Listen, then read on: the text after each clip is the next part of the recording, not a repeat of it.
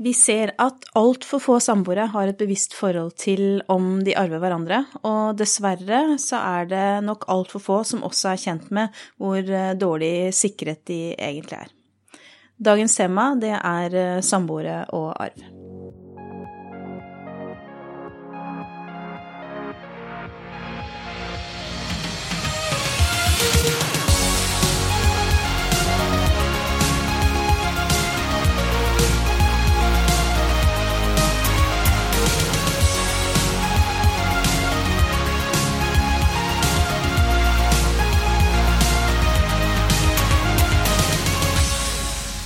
Velkommen til Tennencast, Tennenkast, en eh, podkast om eh, familie og arverett. I studio her i dag er som vanlig advokat Hanne Espeland.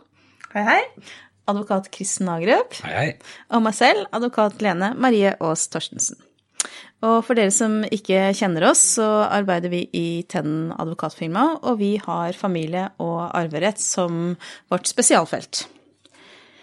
Når noen dør, så er det jo slik at arven etter den som dør, skal fordeles. Det opprettes et eh, dødsbo.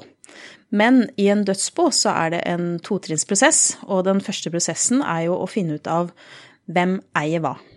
Og når det gjelder samboere, så må man jo da finne ut av hva eide avdøde samboer, og hva heftet avdøde samboer for. Vi har jo tidligere spilt inn en eh, egen podkastepisode om eh, samboere, hvem eier hva. Så for dere som ikke har hørt på den tidligere, så anbefaler vi at dere hører på den før dere hører på denne episoden. Men for sammenhengens skyld så kan det være greit å si litt om det her også. Ja, som eh, Lene sier, så eh, i et tilfelle hvor én i et samboerpar dør, eh, så er det en toledet prosess med å fordele eiendelene etter den som er død. Eh, først må man finne ut eh, hvem av samboerne som eier de enkelte eiendelene og enkelte verdiene. Eh, og det er jo ganske lett hvis man har en samboeravtale som regulerer dette, men det kan være en litt mer vrien øvelse hvis man ikke har dette regulert. Da veldig samboeravtalen også regulere hva hver av de eier hver for seg, og hva hver av samboerne eier sammen, f.eks. Ja, nettopp. Og så er det det som den avdøde samboeren eier, som er det som skal fordeles til uh, denne samboerens arvinger. Jeg syns du er litt forsiktig, Grisen, når du sier at det kan være litt vanskelig uten en samboeravtale. ja. For det kan være ganske vanskelig. Ja. Eh, for det mange ikke er kjent med, er jo at eh, det er lovløse tilstander for samboere. Vi har ingen samboerlov på samme måte som ekteskapsloven, som regulerer eh, hvem som eier hva, i mangel av en avtale. Så utgangspunktet er samboeravtale, det må man ha. Og det legger til rette for et konflikt, altså mindre konfliktfylt arveoppgjør. For selv om kanskje samboerne har et klart bilde av hvem som eier hva, så er det jo ikke Men når, den ene faller fra, så er jo den borte og kan ikke være med å, å fortelle om hva hver av samboerne eier. Da skal man forholde seg til den samboerens barn, f.eks. Hvis man ikke har felles barn, så kan det kan være litt mer utfordrende. Kanskje avdøde samboers barn har en helt annen oppfatning av hva avdøde etterlater seg. Og det ser vi jo ofte. At det er sånn at uh, samboerne har kanskje en klar forståelse av hva de eier, men det er kanskje ikke klart for alle rundt. Og det er klart at hvis man ikke har da denne avtalen som regulerer det, så er det kimen til mange gode diskusjoner. Eller kanskje mindre gode diskusjoner. Nei, da, vi ser, vi ser, jo dessverre også at uh, dette kan være vanskelig nok bare mellom samboerne også. Ja. Det er jo masse konflikter om det òg. Så skriv samboeravtale. Ja. Og, hør på, ja, og hør på episoden 'Hvem eier hva?' samboere. Men når man da har funnet ut hvem som eier hva, så er det jo å inn og vurdere da hvem som arver hva. Og når det gjelder samboere, så er jo den arveretten eh, veldig begrenset i henhold til arvelovens regler. Ja, for arveloven regulerer jo på en veldig god måte hvor hva ektefeller eh, arver, og hva barn arver hvis man etterlater seg barn. Men så er det jo sånn at eh, det er jo også et eget kapittel som regulerer samboernes arverett, men samboerens arverett er veldig begrenset. Det kom, jeg bare skyte inn at ja. uh, det er ikke så veldig lenge siden vi fikk nye regler om samboeres arv i arveloven. Uh, og da fikk vi nesten inntrykk av at folk slo seg litt til ro med det. Men det er litt keiserens nye klær, kanskje. Ja, det er jeg helt, helt enig i. For det er, jo, det er jo, regulert i, i, arveloven, men det er en svært begrenset arverett, og den er kun for, for få samboere. Men hvem samboere er det som har krav på arv, da? det er samboere som har en barnetilknytning. At man enten har barn sammen, at man venter barn, eller har hatt barn sammen. Og for disse samboerne så vil de arve hverandre med et beløp som da tilsvarer 4G. Fire ganger grunnbeløpet. Og det er da i underkant av 400 000 som man vil arve etter samboeren sin. Hvis man da f.eks.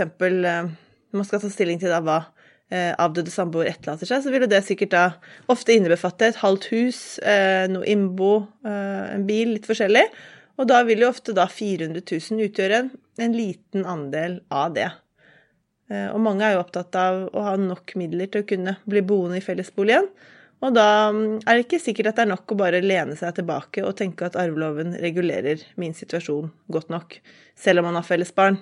Så det er derfor vi sa innledningsvis at alle samboere bør egentlig være bevisste på hvilken arverett de har, og om de er tilstrekkelig sikret. Fordi at eh, sånn som et utgangspunkt så er jo samboer med barn heller ikke godt nok sikret i arveloven. Men det du sier, Hanne, er jo det at dersom man ikke har denne barntilknytningen, da, så arver man ikke hverandre etter loven. Nei, da arver man ingenting. Nei.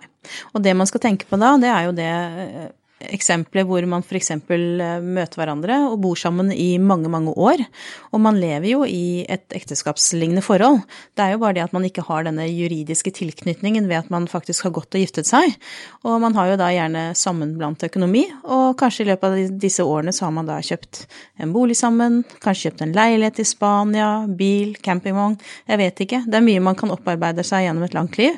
Og spørsmålet er jo da, hvis man ikke arver noe, om man har krav, nei, ikke krav på, men om om man har råd til å løse ut eh, arvingene til den som dør først.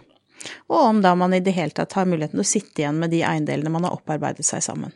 Men i, Det er også noe med sammenheng med at det finnes så veldig mange Nå karakteriserer du typisk eksempel hvor man burde hatt en arverett. Men uh, arveloven vil jo da regulere for alle samboere, og det finnes jo så mange typer forskjellige samboere. Det finnes jo studenter som flytter sammen når de er 20 år, og det finnes uh, de som flytter sammen uh, når man er eh, rett før man får barn, f.eks., og så er man samboer resten av livet og lever i et ekteskapslignende forhold. Og så finnes det jo samboere som treffes eh, i godt voksen alder og lever de siste årene sammen som samboere. Og alle de er jo samboere. Og hvis man da har en generell arverett etter arveloven, så ville det favne alle samboere uavhengig av livssituasjon, da. Og da har jo, sånn som jeg har oppfattet eh, forarbeidene, så har vel lovgiver da tenkt at man ikke ønsker en sånn arverett eh, som inntrer automatisk, men at man ønsker at man da faktisk, hvis man har en sånn nær tilknytning, så må man gå til det skrittet at man lager et testament, da. Ja, Så dette er bevisst valg fra lovgivers side, fordi, ja. og, og, som er gjort fordi det er vanskelig å lage et regelsett som passer for alle? Ja. Og det er jo litt eh, naturlig også, hvis man tenker seg eh, to 19-åringer eh, som nettopp er ferdig med videregående og flytter inn til Oslo for å studere, og flytter sammen, er kjærester og flytter sammen, så er det kanskje ikke naturlig for dem å tenke at de skal arve hverandre dersom en av dem faller fra, men at kanskje da foreldrene eller søsknene arver i stedet. Så, så her har nok lovgiver tenkt sånn som du sier, Hanne, at man skal ikke gi en automatisk arverett bare fordi at man bor sammen. Men, men, man har jo mange muligheter, og det er jo litt sånn for de som eh, ikke har krav på arv etter loven, så har man jo allikevel mulighet til å legge til rette for at man kan arve hverandre. Ja, og det gjør man jo ved å opprette et testament. Der har man jo eh, mange muligheter til å eh, tilgodese eh, sin samboer. Vi har også en del begrensninger i arveloven. Eh, de fleste er sikkert eh, kjent med at vi har noe som heter pliktdelsregler, som er regler som er der for å sikre barna en arv. Det, I utgangspunktet er det to, tre, to, tredjedeler av det man etterlater seg, eller et beløp oppad begrenset til én million som barna har krav på. Men det som er utover det, står man fritt til å testamentere. Og det er vel det man kaller den frie tredjedel. Ja. Eh, og for de som har større formuer, så er det jo alt over en million til hvert barn nå. Mm. Så man har egentlig større testasjonsfrihet hvis man har mange millioner, enn hvis man har en mer sånn normal formue, da. Ja. Men nå snakker vi om det tilfellet hvor eh, den som dør, har barn. Men hvis den som dør, ikke har barn, så har man jo mulighet til å fritt testamentere over alt det man etterlater seg. Mm. Og da kan man jo da testamentere bort hele formuen sin til eh, samboeren hvis man ønsker det. Ja, og det er jo mange som tenker at det det er altfor dramatisk. Man vil ikke testamentere alt til samboeren på bekostning av sine egne slektsarvinger, da. Eller eventuelt barn, hvis man har det. Men, men dette er, finnes det løsninger for, hvor man kan testamentere i to ledd for at man Eh, sett at man er et eh, godt voksent samboerpar eh, og er opptatt av å sikre hverandre ut sin levetid. Og så kan man testamentere til samboeren i første omgang og si at når samboeren faller fra, så skal det som er igjen av den arven da, det skal tilbake til barna eller slektsarvingene. Det er en fin måte å sikre både gjenlevende samboer og da til slutt egne slektsarvinger. For det er som du sier, at hvis man, hvis man ikke har livsarvinger eller barn, da, eh, og man har en samboer eh, og ikke har testament, så er det jo da øvrig slekt som arver alt man etterlater seg. Så da går jo arven opp til foreldrene og eventuelt ned til søsken og deres eh, arvinger. Så må man jo ta stilling til da, hvem er det man egentlig ønsker å tilgodese her. Er det øvre slektsarvinger, eller er det samboere? Mm. Og det er jo så forskjellig fra familie til familie. Men det viktigste er at man er bevisst på hva skjer når jeg faller fra, og hva ønsker jeg? Ønsker jeg eh, at arven skal fordeles etter arveloven? Er det en grei ordning for meg, eller ønsker jeg noe annet? Og hvilke muligheter har jeg til å tilgodese de jeg ønsker å tilgodese? Men ikke bare hva den som gir fra seg noe, men også skal man jo tenke på hva skjer den dagen jeg kanskje sitter igjen alene? Har jeg da god nok økonomi til å f.eks. sitte igjen med, med, fellesboligen? Og det er klart at eh, hvis man ser at eh, den man bor sammen med ikke ønsker å testamentere noe over til en selv, så må man jo da legge til rette på en annen måte. Så dette handler jo om å planlegge en, en trygg og forutsigbar fremtid. Det er jo trist nok å miste samboeren om ikke huset og bilen og alt må selges og, og Det kan få mange andre følgekonsekvenser da, som uh, oppleves veldig negativt.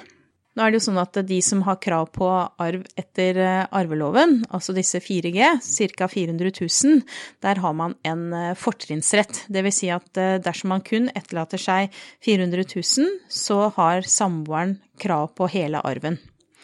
Og den fordelen den kan man også testamentere bort til en samboer man har vært samboer med i minst fem år selv om man ikke har denne barnetilknytningen. Men da kreves det at det kommer ned i et testament. Men det er klart at det er jo også en måte å legge til rette for at lengstlevende samboer skal kunne f.eks. sitte igjen med eh, fellesboligen, da, hvis man eier en leilighet sammen f.eks. Da kan man jo passe på at eh, ok, jeg etterlater meg 400 000, da vil jeg at min samboer skal få det, sånn at eh, den samboeren har enklere for å kunne fortsette å bo i boligen. Og som vi kanskje nevnte i stad, så for, for, andre så er det jo muligheten å sikre hverandre med den fri tredjedelen eventuelt. Og det er det jo mange som, som ønsker. Når man har man har jo rett til eh, arv etter loven dersom man har barnetilknytningen, men denne, noen samboere ønsker jo ikke at man skal arve hverandre i det hele tatt, selv om man har krav på det etter loven. Og da har man muligheten til å innskrenke det ved testament, eh, men det viktigste er at man gir da den som har krav på arv etter loven, beskjed om det. Man må informere den som har eh, krav på arv etter loven. Så det gjelder da samboere med felles barn, eller som da har denne barnetilknytningen, enten at de har barn sammen, venter barn, eller har hatt barn sammen. Man kan da begrense den lille arveretten på 4G kan man jo begrense til null hvis den andre samboeren har gjort kjent med deg, da. Mm. Og så har vi jo snakket om det med at hvis man er samboer og har barn, så er da den rett man har til å testamentere bort, begrenset. Men så er det jo sånn at eh, hvis man ikke har noen eh, slektsarvinger etter loven, så er det jo slik at hvis man dør da, så er det jo det man etterlater seg, det går da til, eh, det går vel til staten, og det går vel til noen sånne gode formål med barn og ungdom, hvis ikke jeg tar helt feil. Ja, I hvert fall veldig det. Mm. Ja. Og det er klart at eh, hvis man er da samboere, og den ene ikke har eh, arvinger etter loven, så er jo da, om man ikke har skrevet et testament, så har vi jo sett noen litt triste episoder av at Eller noen triste eksempler på at eh, man tror at man arver hverandre fordi at man ikke har arving etter loven, men så gjør man ikke det.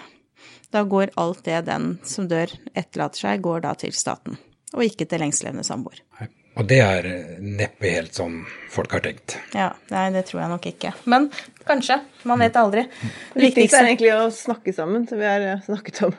mange ganger, som sikkert kommer til å gjenta i alle disse podkastene våre, at man snakker sammen, og at man er litt bevisst på hvordan er min situasjon, hva skjer med meg og min samboer dersom jeg eller min samboer faller fra. Mm. Eh, hvis ikke vi har regulert noe, hva skjer da? Eh, hvis ikke man er fornøyd med den situasjonen som da vil oppstå automatisk, så må man jo eh, vurdere om man skal gjøre noe. Det er det å ha kontroll.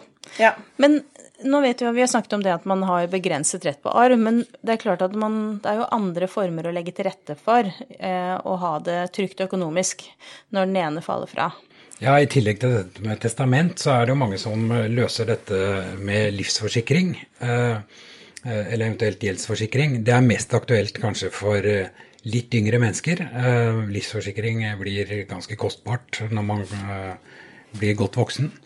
Eh, men det er jo typisk fornuftig hvis man er opptatt av at den som sitter igjen skal kunne fortsette å bo i boligen.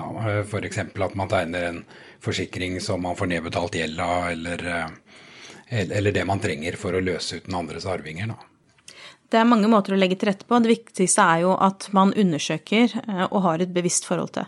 Hvem eier hva, og hva arver vi eventuelt fra hverandre? Og hvis ikke vi arver noe, hva kan vi da gjøre for å legge til rette for at vi f.eks. sitter igjen med fellesboligen og kan ha en trygg økonomisk fremtid selv om man blir alene? Når vi snakker om arv, så er det veldig mange som er opptatt av det med uskiftet bo. Nå er det sånn at vi har en egen eh, episode om eh, uskiftet eh, bo på podkasten vår, men det kan være greit å si litt om det også her.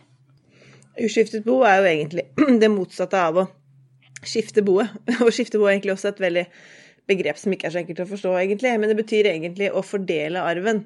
Så idet man mister samboeren sin, så kan man i enkelte tilfeller velge om man skal fordele arven etter samboeren sin, eller om man ikke skal fordele arven, altså å sitte i uskiftet bo. Og, og det betyr egentlig at man da blir sittende på alle eiendelene som avdøde samboer etterlot seg, og at man disponerer disse i utgangspunktet som sine egne. Men for samboere er det jo da begrenset til enkelte eiendeler som man da kan sitte i uskiftet bo med. Det er ikke alle eiendeler. Nei, og Dette er veldig forskjellig fra uskifte for eh, ektefeller, eh, som vi kanskje er mest kjent med. Da handler det som regel om å overta alt eh, og sitte med det som, som å disponere som sitt eget. da. Men så det egentlig man må gjøre da, er jo å gjøre undersøkelse på forhånd om hva har jeg rett til å sitte i uskiftet bo med. Men så er det jo ikke heller alle samboere som har rett til å sitte i uskiftet bo. Det er jo bare samboere med denne barnetilknytningen. At man har barn, ventebarn eller har hatt barn sammen. og det gjelder ja, bare konkrete eiendeler. F.eks. fellesboligen, hytta, bilen.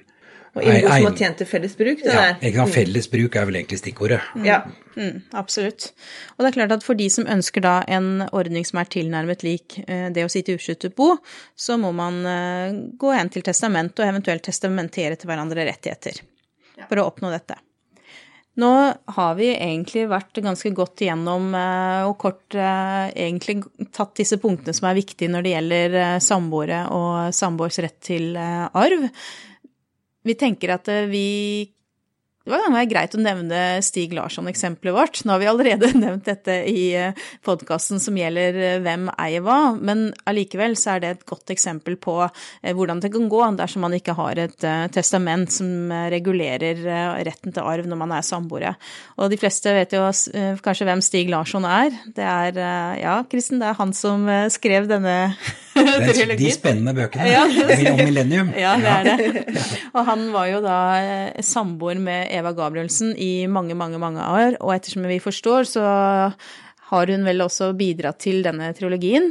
Men de hadde da ikke et testament som regulerte arv, og de hadde heller ikke felles eh, barn. De hadde ikke noen barnetilknytning, og resultatet av det var jo at hun ble vel sittende igjen med halvparten av verdien av eh, felles eh, leilighet, mens Stig Larssons bror og far um, arvet da alle rettighetene til trilogien, og det var vel egentlig der hovedverdien av boet lå. Og da kan man jo spørre seg om det var eh, tenkt sånn eller ikke. Ifølge Eva Gabelsen så har vi i hvert fall forstått at det ikke helt var sånn de så det for seg. Men det er et godt eksempel på at man eh, bør tenke gjennom dette når man lever, og legge til rette for at man skal kunne ha en trygg alderdom, og at det skal bli slik som man eh, forestiller seg det. Så da tenker jeg, Kristen, om vi skal ta litt sånn kort oppsummert. Jeg vet ikke om du har noen tips og råd å komme med? Nei, Hvis man skal prøve å oppsummere kort da, og gi noen korte tips eh, på dette med samboere og arv, så, så, må det jo eh, Det første må jo være at man tenker grundig gjennom eh, hvilken situasjon er jeg i hvis den andre parten dør, eller at man snakker godt, godt sammen om det. Vil jeg klare å bo i fellesboligen hvis det er viktig, eh, og andre ting. Tenke nøye gjennom. Og så må man eventuelt lage et testament ganske mange, eh, vil jeg påstå, eh, har behov for å regulere dette i testament. Trenger man bistand til dette, Hanne? Ja, jeg tenker at man bør kontakte en advokat for å få bistand med å lage et testament. Det er jo snakk om et dokument som regulerer da sikre hverandre og regulere det, det, mest dyrebare man har. Så da er det viktig at det blir ordentlig og, og riktig. Og hvis det er noen som ønsker å komme i kontakt med oss, f.eks., så kan jeg jo nevne at vi holder til i Vestfold. Og litt mer informasjon om Tenden advokatfirma er jo da på vår nettside tendenadvokat.no. Jeg tenker at det er eh, en fin avslutning, ja. Så da mm. takker vi for oss. Takk for i dag. Takk for oss. Takk.